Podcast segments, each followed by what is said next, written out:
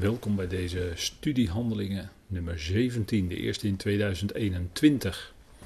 En we gaan met elkaar kijken in de toespraak van Petrus, handelingen 3, daar waren we in bezig, de toespraak van Petrus. En de, het tweede gedeelte daarvan willen we vandaag met elkaar overdenken. En dat uh, zullen we doen nadat we eerst hebben gebeden met elkaar. Zullen we dat doen? Vader, we danken u dat we ook dit moment van u mogen ontvangen. We danken u dat u ons weer een stukje uit uw woord wil laten verzamelen. Dank u dat we al die woorden mogen opzamelen, mogen overwegen in ons hart. En Vader geeft u ons verlichting door uw geest, opdat we het mogen verstaan. Dank u wel voor de lijnen die u trekt in uw woord, dat we dat mogen aanhouden. Dank u wel dat we door u geroepenen zijn. En dank u wel dat we mogen lezen over Petrus, die zijn volksgenoten roept met een andere roeping, een roeping voor het koninkrijk. We danken u dat we daarin mogen lezen en dank u dat u ons daarin wilt leiden. In alles, Vader, mogen we weten dat we van u afhankelijk zijn. Wil ze ook dit moment geven dat mag zijn tot opbouw van ons geloof en tot tof en eer van u. We danken u daarvoor in de naam van uw geliefde zoon. Amen. Goed, de toespraak van Petrus, het tweede deel. Vers 20 tot en met 26 lezen we met elkaar. En u kunt gewoon meelezen op de dia's, maar ook in uw Bijbel uiteraard. En kunt u aantekeningen maken als u dat wil. De vorige keer zijn we geëindigd met deze dia, met dit plaatje, dat die steen waar die Nebukadnezar in zijn droom zag komen, die dat hele beeld verpulverde. Dat is natuurlijk een beeld van het koninkrijk dat zou komen, de steen die zonder handen werd losgemaakt en die de hele aarde zal vervullen. Nou, we lezen maar even Handelingen 3 opnieuw, Net als de vorige keren waren toen we ermee eindigden. En hij hem zou afvaardigen, die tevoren door jullie vastgesteld was, Christus Jezus, die de hemel inderdaad moet ontvangen tot de tijden van wederoprichting van alle dingen, waarvan God gesproken heeft door de mond van zijn heilige profeten die vanaf de eon zijn.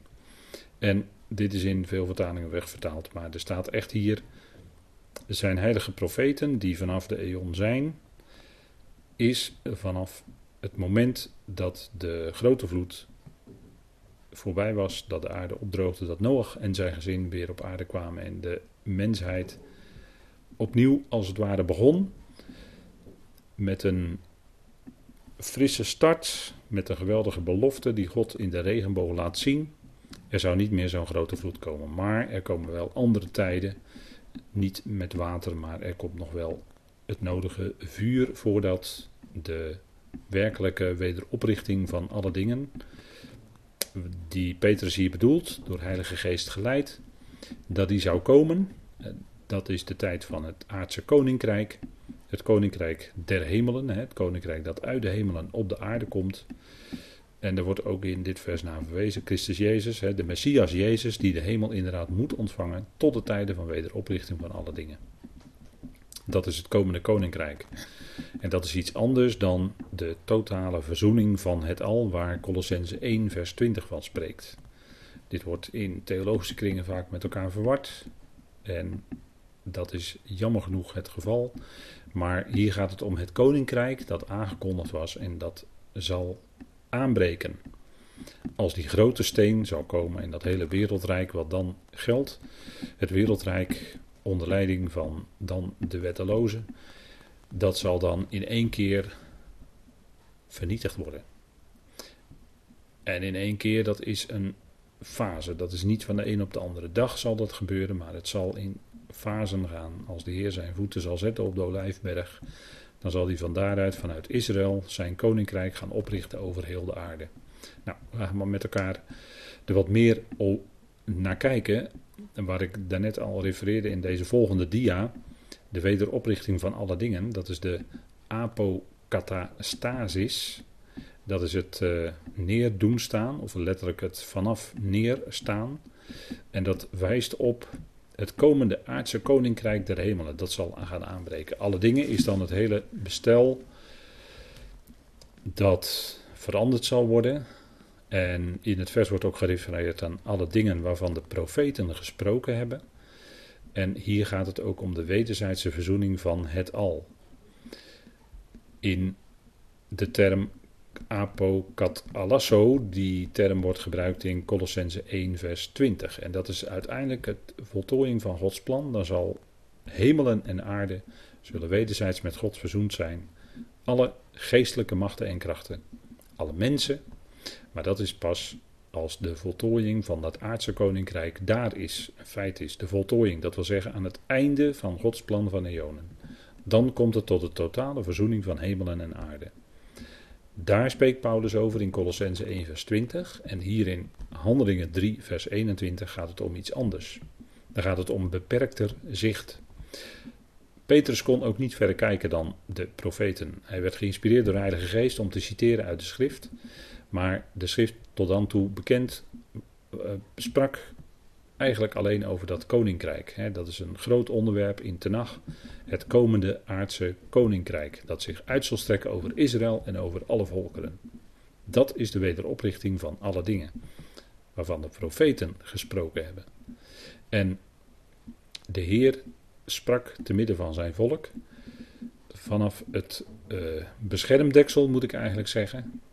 De vertalingen zeggen natuurlijk verzoendeksel, maar we spreken van beschermdeksel. Dat is het Hebreeuwse woord. En de hoge priester mocht één keer per jaar naderen tot Yahweh in tabernakel en in tempel. En die toegang die zal geleidelijk aan ook in de komende duizend jaar en ook op de nieuwe aarde daarna steeds beter worden, steeds ruimer worden. De toegang van de mensen tot God. Op de nieuwe aarde, daar schrijft Johannes zelfs over, dat God zal wonen te midden van de mensen. God heeft de mensen lief. En dat zal blijken dan in die tijd.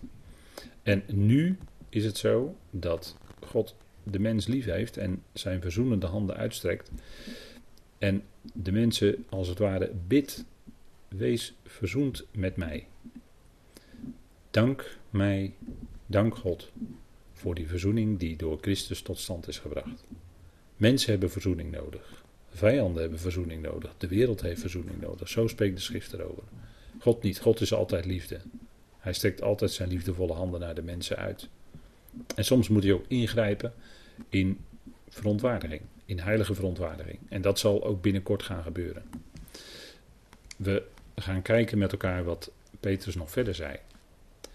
Hij zegt Mozes, en dat moet natuurlijk die menigte daar aangesproken hebben, dat is hun een van de grote profeten. En ze beschouwden hem als de grootste profeet van Tenach.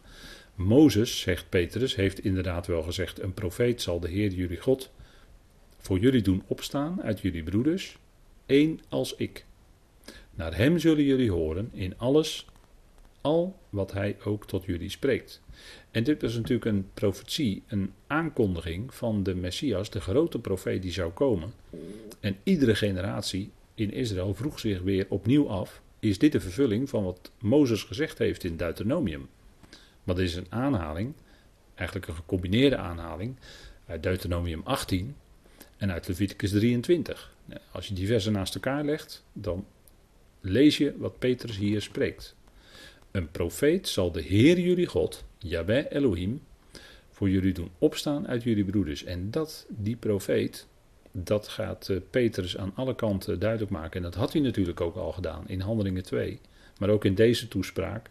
Het gaat natuurlijk om de Heer Jezus, om de Messias Jezus, hè, waarin het vorige vers over gesproken werd. Dit vers, hè, vers 20, 21. Hem zou afvaardigen die tevoren voor jullie gesteld was. De Messias Jezus. Daar heeft hij het over. Gaan we nu weer naar vers 22. En daar staat: Een profeet zal de Heer jullie God voor jullie doen opstaan. Ze zullen eerst de verkeerde aannemen. En dat is de antichrist waar Johannes over spreekt. Want dat gaat nog vooraf aan zijn wederkomst. Die profeet die zou komen, die is gekomen, dat maakt Petrus duidelijk. En die was nu ten hemel gevaren, dat maakt hij ook duidelijk in die toespraak. Maar die zal terugkomen. En hij past hier de woorden van Mozes uit Deuteronomium en Leviticus toe op de Messias Jezus. Hij zegt, dat is de vervulling. Hij is het. Het gaat om hem. De profeet zal de Heer jullie God voor jullie doen opstaan, zegt Petrus. Maar we weten ook uit vervolgschriften die later geschreven werden, dat zij eerst de verkeerde zullen aannemen. De Heer Jezus had tijdens zijn leven al gezegd, en leest u het maar na, Johannes 5, Johannes 8, dat zij iemand zullen aannemen, het Joodse volk te zijner tijd, zal iemand aannemen die in zijn eigen naam zal komen. En zich zal voordoen als de Messias. En de problemen zullen dan in de wereld ook zo groot zijn, en daar gaan we stap voor stap naartoe. De problemen die er zijn, die zal een sterke man, een sterke leider zal komen en die zal de oplossing geven voor de grote wereldproblemen.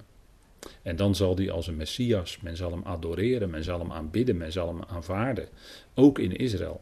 Hij zal zelfs in staat zijn om de Joodse mensen te misleiden. Ze zullen achter hem aangaan. Ze zullen denken dat hij de Messias is. En natuurlijk onder het Jodendom, maar ook elders in de wereld, is men geneigd om een sterke leider, en zeker als het iemand is die met, in de ogen van de mensen met veel wijsheid spreekt en charismatisch is. En bij, te midden van Israël, van de Israëlieten, de Joodse mensen, had je de Lubavitche Rebbe Schneerson, die zagen ze als de Messias. Maar die is ook jaren geleden overleden. En daar zal ook bij uh, heel wat Joodse mensen een geweldige hoop toen zijn, de rond zijn ingeslagen toen hij overleed. Maar het was hem niet. Maar in de nabije toekomst zullen zij degene aanvaarden waar, waarvan Johannes zegt in zijn brieven, alleen Johannes in zijn brieven gebruikt die term, de antichrist. Dat is letterlijk de in plaats van Christus.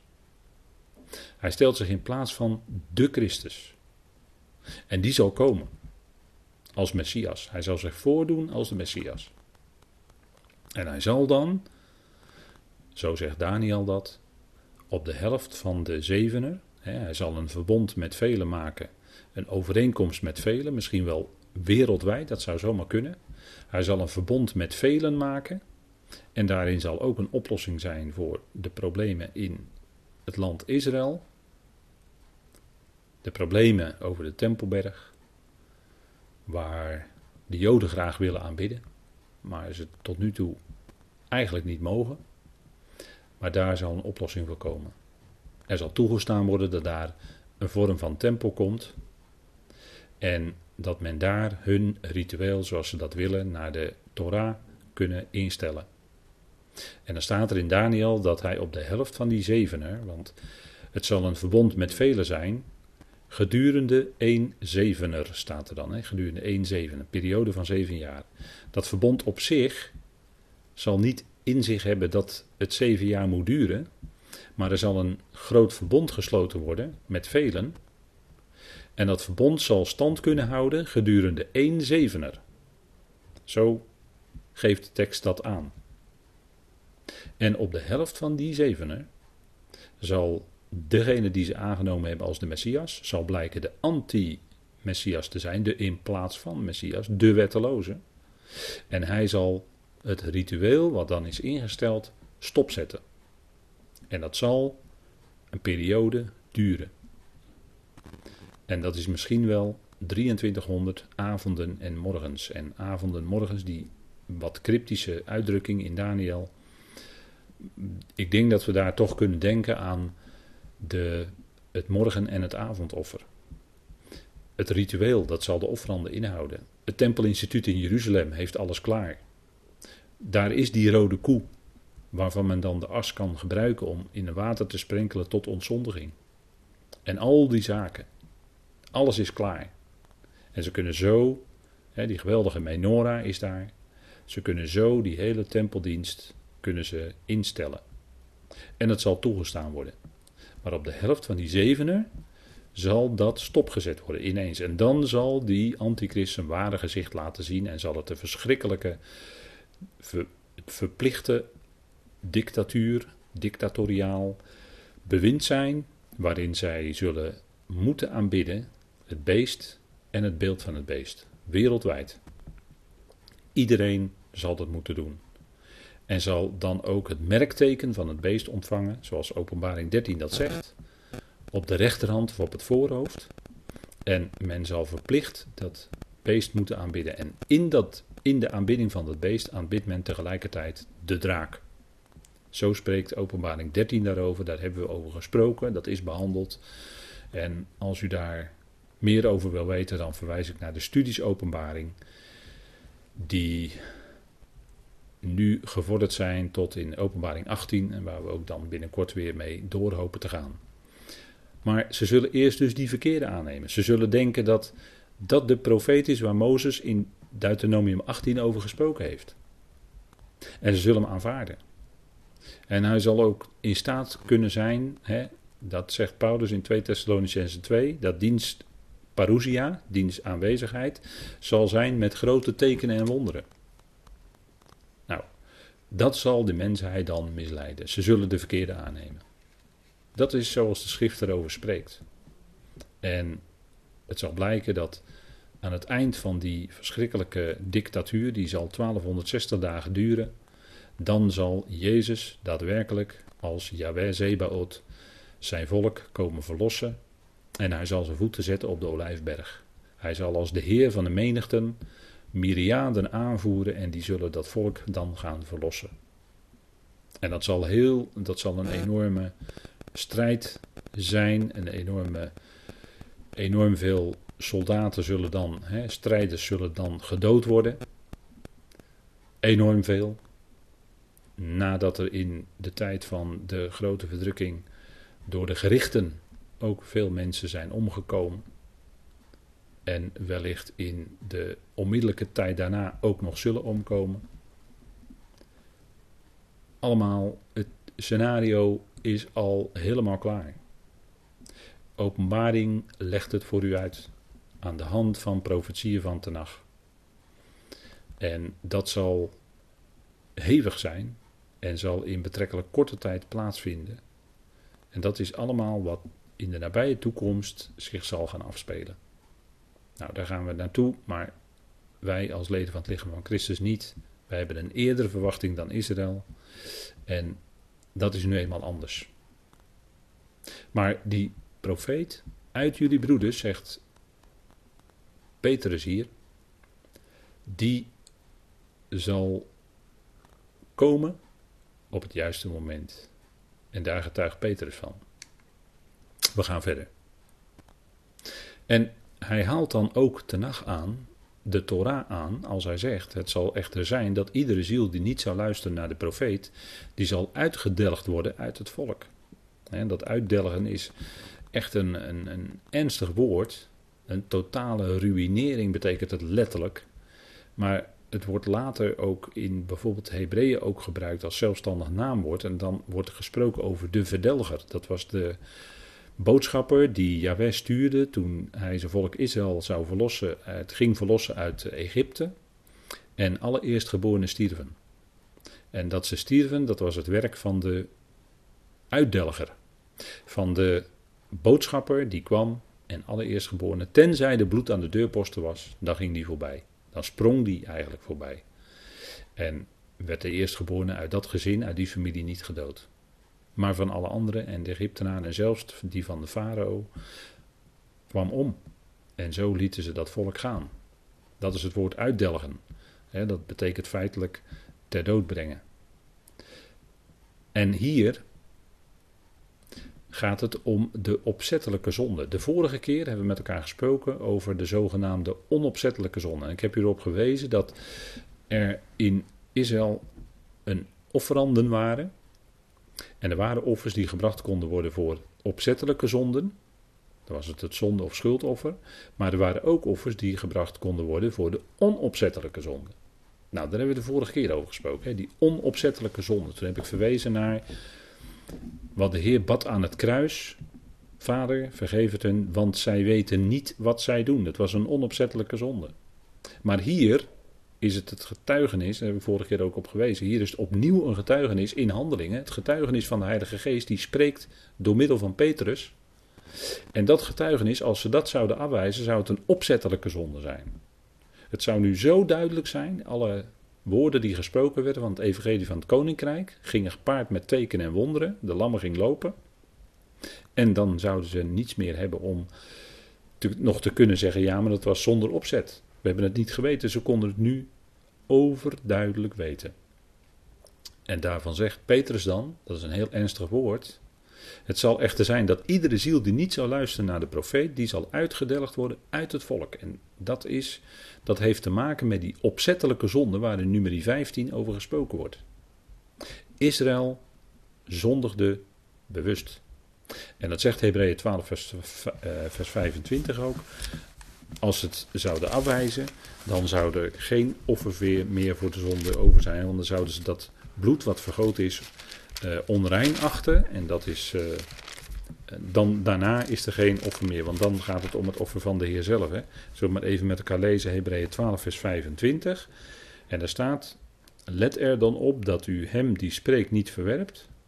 Want als zij niet zijn ontkomen die hem verwierpen die op aarde de aanwijzingen van God deed horen.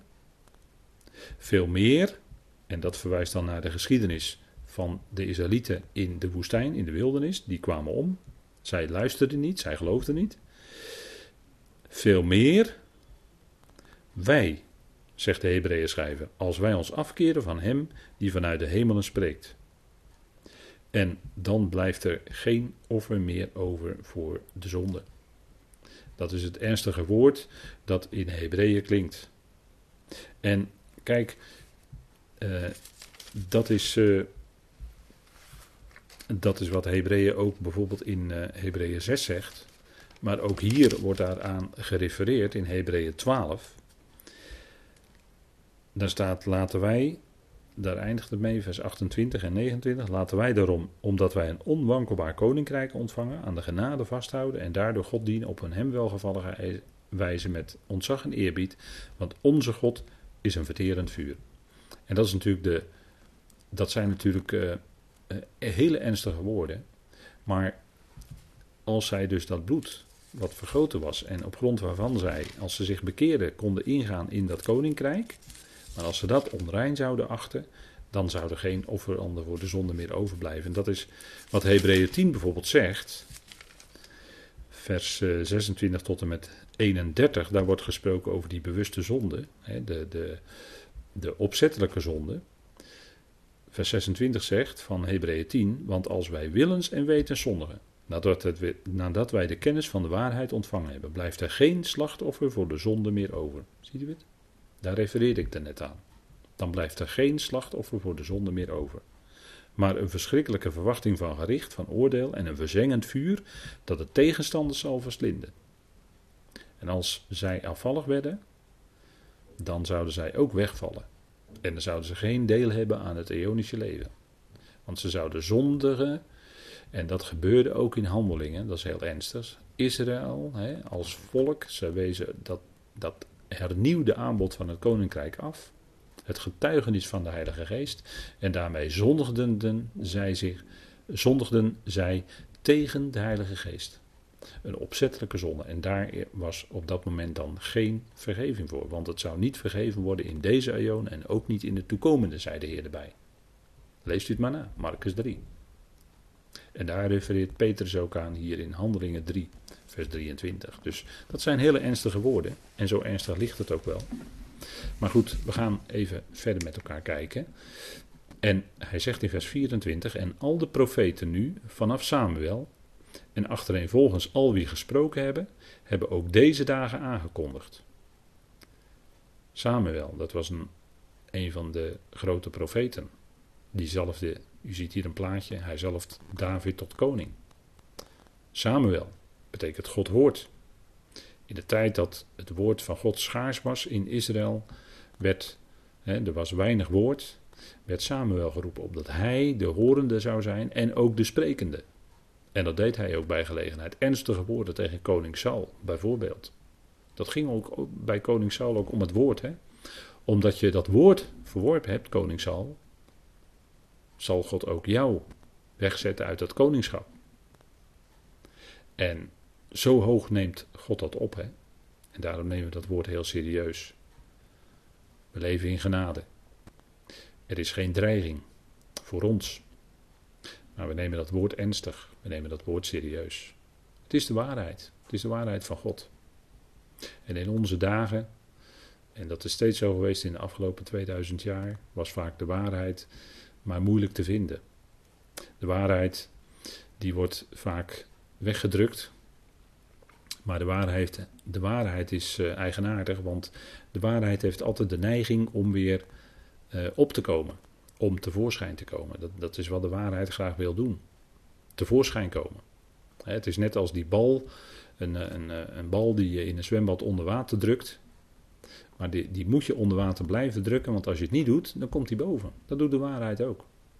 En daarom doet men heel vaak pogingen om die waarheid, en Paulus zegt dat ook in Romeinen 1, om die waarheid in ongerechtigheid, in onrechtvaardigheid neer te houden. dat is het woord wat daar gebruikt wordt. Neer hebben, als ik het heel letterlijk zeg. Neerhouden. Die waarheid wordt onder, ondergehouden. Ook in onze dagen. Heel ernstig. En wij die zoeken naar de waarheid, als je zoekt naar de waarheid oprecht, dan zul je die ook vinden. En dan zul je zien dat heel wat wat zich aandient, blijkt toch niet zo te zijn, blijkt toch anders te zijn. Maar in die dagen van Samuel was het woord van God schaars, was er weinig woord. En daarom werd Samuel geroepen. En daarom roept God in deze tijd leden van het lichaam van Christus, die zich buigen over dat woord, die zich laten bemoedigen, laten opbouwen door dat woord en daardoor uitzicht hebben en licht. En weet hebben en ook echt in het hart hebben, die liefde van God, die is in ons hart uitgegoten. En hoe meer je die liefde van God leert kennen, en daar, daar kun je nooit genoeg van weten, want het is altijd meer dan je denkt. Hoe meer die liefde van God in je komt, hoe meer de vrees en angst uit je leven verdreven wordt. Dat is een geweldig iets. Dat is belangrijk. En we kunnen die liefde van God ook doorgeven naar anderen. Nou, zo werd Samuel geroepen. Daar refereert Petrus hier aan. En achtereenvolgens zegt hij, al wie gesproken hebben, al die profeten, die kondigden aan dat die Messias zou komen. Joel kondigde aan dat er een uitstorting van de geest zou komen. Petrus had gezegd in Handelingen 2, dit is het waarvan Joel gesproken heeft. En Joel betekent ook, dat is een hele mooie naam, dat betekent ja is God.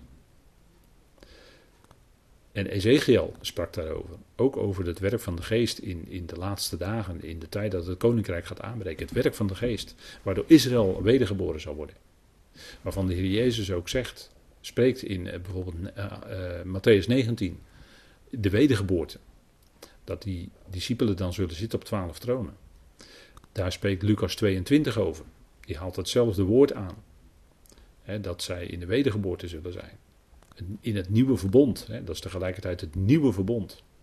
Wat hij met het huis van Israël en met het huis van Juda. Met Ephraim en Juda zal sluiten. Dan zal het worden één kudde, één herder. En al die geweldige lijnen, hè, dat leidt tot eenheid. Het werk van de geest is ook om eenheid te bewerken. Hè. En wij leven als leden van het lichaam van Christus die eenheid uit. Die eenheid van de geest die is daar.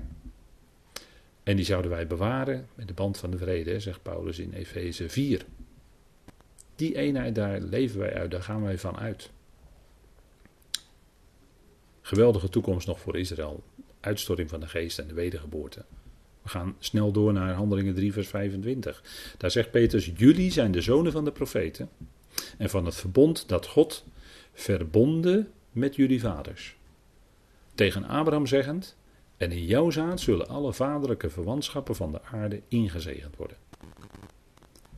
Een prachtig woord hè, hier. Hij wijst hier op het verbond. En zegt: Jullie, Israëlieten, de luisteraars daar, waar Peters tegen sprak. Toen zij verbaasd waren dat die verlamde genezen was. Jullie zijn zonen van de profeten en van het verbond ze zijn zonen van het verbond. Dat God verbonden, eh, in de, in de gewone vertaling staat meestal sluiten, want een verbond sluit je. Maar ik heb het hier toch even wat aparter willen vertalen om de nadruk erop te leggen. Om even dat ongewone, wat in de grondtekst staat, te laten klinken. En hoe sterk het hier staat. Het verbond dat God verbonden met jullie vaders.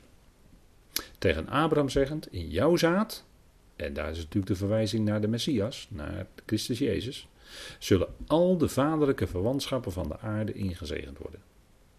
Nou, dat is uh, een geweldig woord, hè? Uit Genesis 22 onder andere.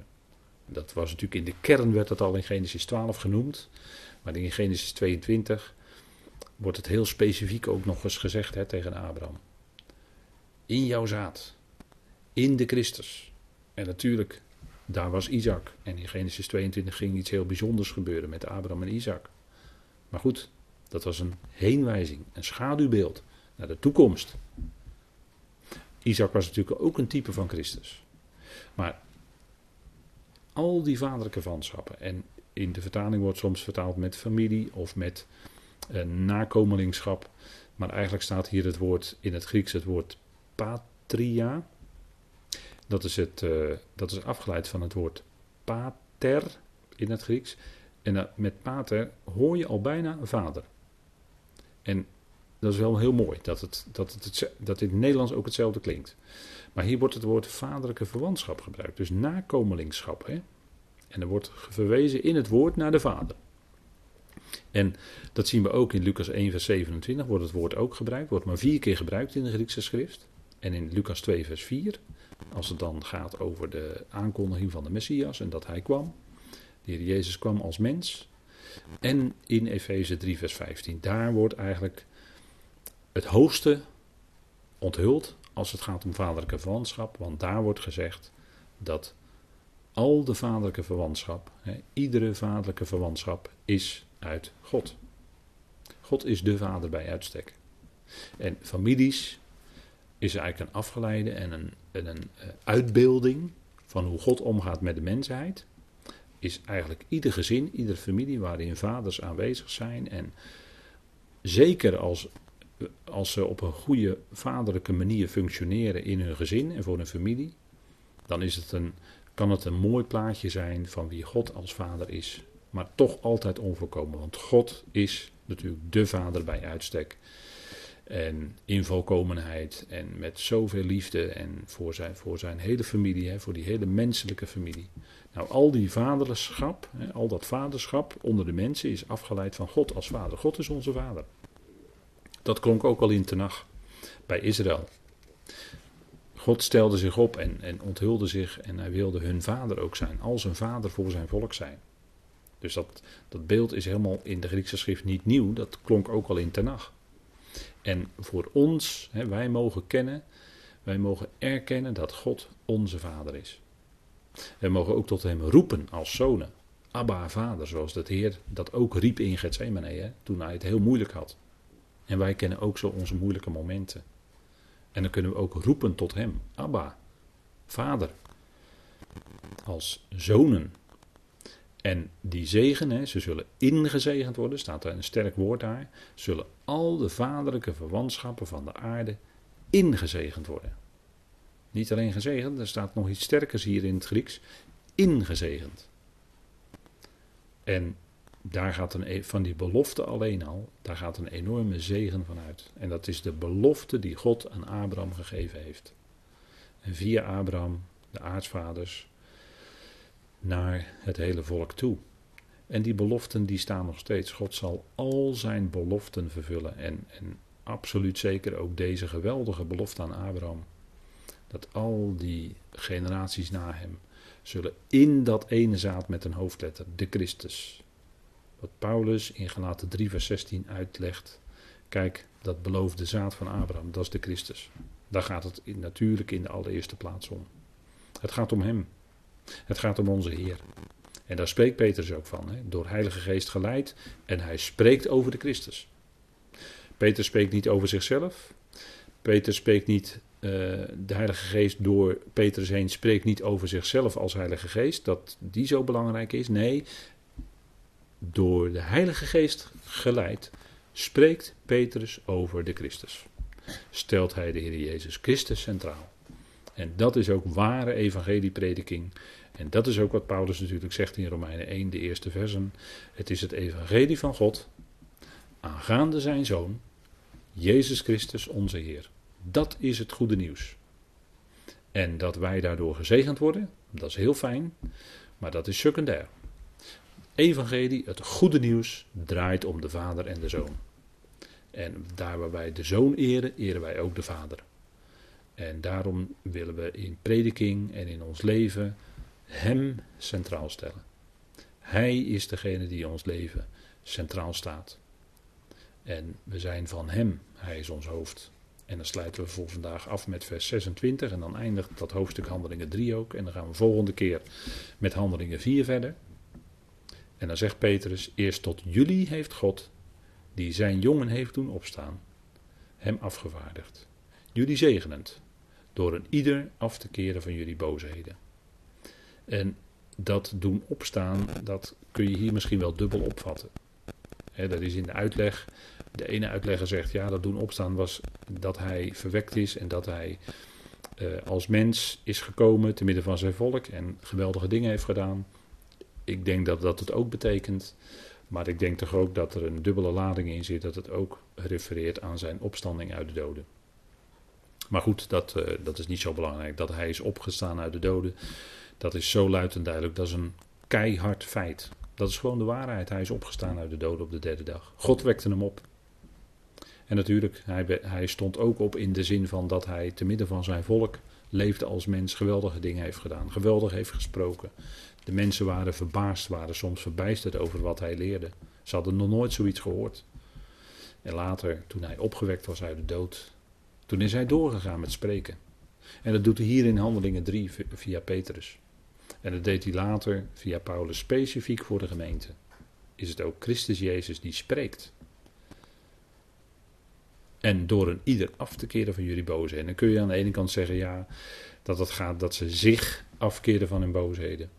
Ja, natuurlijk, maar we weten dat als een mens dat doet, als een mens zich afkeert van zijn boosheden, en dat is geweldig als dat gebeurt, en als lid van het lichaam van Christus is dat in uw en jouw en mijn leven ook gebeurd. We hebben ons afgekeerd van onze vroegere boosheden. Maar dat is het werk van de geest. Dat is door de kracht van de geest van God. Dat kan toch niet anders? Of dacht u dat u dat uit uzelf heeft kunnen doen?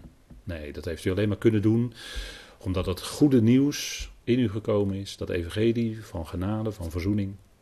En daardoor is er van binnen iets gebeurd. En heeft u zich kunnen afkeren van uw boosheden. En kunnen we de levende God dienen. En kunnen we zijn zoon verwachten uit de hemelen. En hier gaat het om Israël. Hier gaat het niet om de gemeente. Dat is nog lang niet in beeld hier in Handelingen 3. Hier gaat het om Israël. Jullie, hier twee keer, jullie, is Israël. En afkeren van de boosheden, is het niet dat Paulus daaraan refereert ook in Romeinen 11, waarin hij zegt, en zo zal heel Israël gered worden, zoals er staat geschreven. Hij die bergt zal aankomen uit Sion, hij zal de oneerbiedigheden van Jacob afkeren. Wie doet dat? Hij doet dat. Wie komt? Hij zou komen. En wie gaat hij verlossen? Israël. Wanneer is dat? Aan het begin van het koninkrijk. Dan zal heel Israël, wat dan gered wordt, dat is dan heel Israël wat gered wordt. En dat zijn op dat moment natuurlijk niet alle Israëlieten van alle tijden. Die vallen uiteindelijk onder alle mensen waar Paulus het over heeft. Maar hier specifiek citeert Paulus uit Jezaja en dat is de belofte van als hij komt en zijn koninkrijk. excuus. Als hij zijn koninkrijk gaat oprichten, dan zal hij die bergt, hij zal ze in veiligheid brengen, betekent dat. Van de enorme terreur, van de enorme dictatuur van de antichrist. Hij die bergt, hij zal ze verlossen. Hij zal aankomen uit Sion. Hij zal de oneerbiedigheden van Jacob afkeren. En dat heeft hij in ons leven ook al gedaan. Die oneerbiedigheden, dat wat hem niet vereerde, doet de Heer uit ons leven weg. Door de kracht van zijn geest. Maar dan zal hij dat doen van Jacob. Die aanbidding van de wettelozen, die aanbidding van de tegenstander zal dan stopgezet worden. Die enorme oneerbiedigheden zullen dan ook van ze afgenomen worden. Hij zal ze daarvan afkeren. Dat is een geweldige hoop, verwachting en verlossing voor Israël. En als we het zo in dat licht bekijken, dan is het nog een korte, korte tijd dat deze boze aion gaat eindigen. Dat de Heer zijn gerichten gaat inzetten om dat te doen. En dat zal kort, hevig en snel zijn. En diep ingrijpend. Het is nog een korte, korte tijd. Voordat deze geweldige tijden voor Israël gaan aanbreken. En dan is het nog kortere tijd. Dat de Heer onze eerdere verwachting in Christus zal inlossen. En wij hem zullen ontmoeten. Zullen we hem daarvoor danken. Vader, we danken u dat we ook weer een kort moment stil konden staan bij handelingen. En Petrus is vol Heilige Geest en spreekt van de Christus, spreekt van de Heer Jezus. Vader, we danken u daarvoor. We danken u voor die Heer die dat geweldige plan van Ione uitwerkt.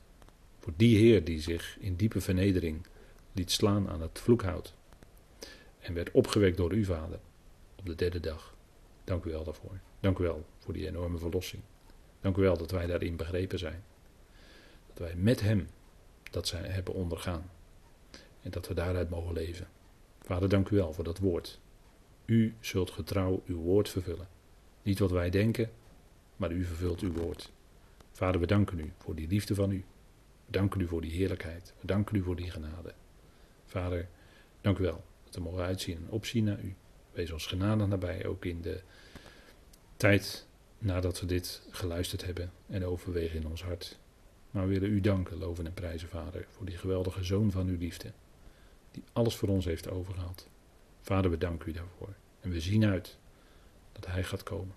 Vader, dank u wel voor uw liefde in de machtige naam van die zoon. Amen.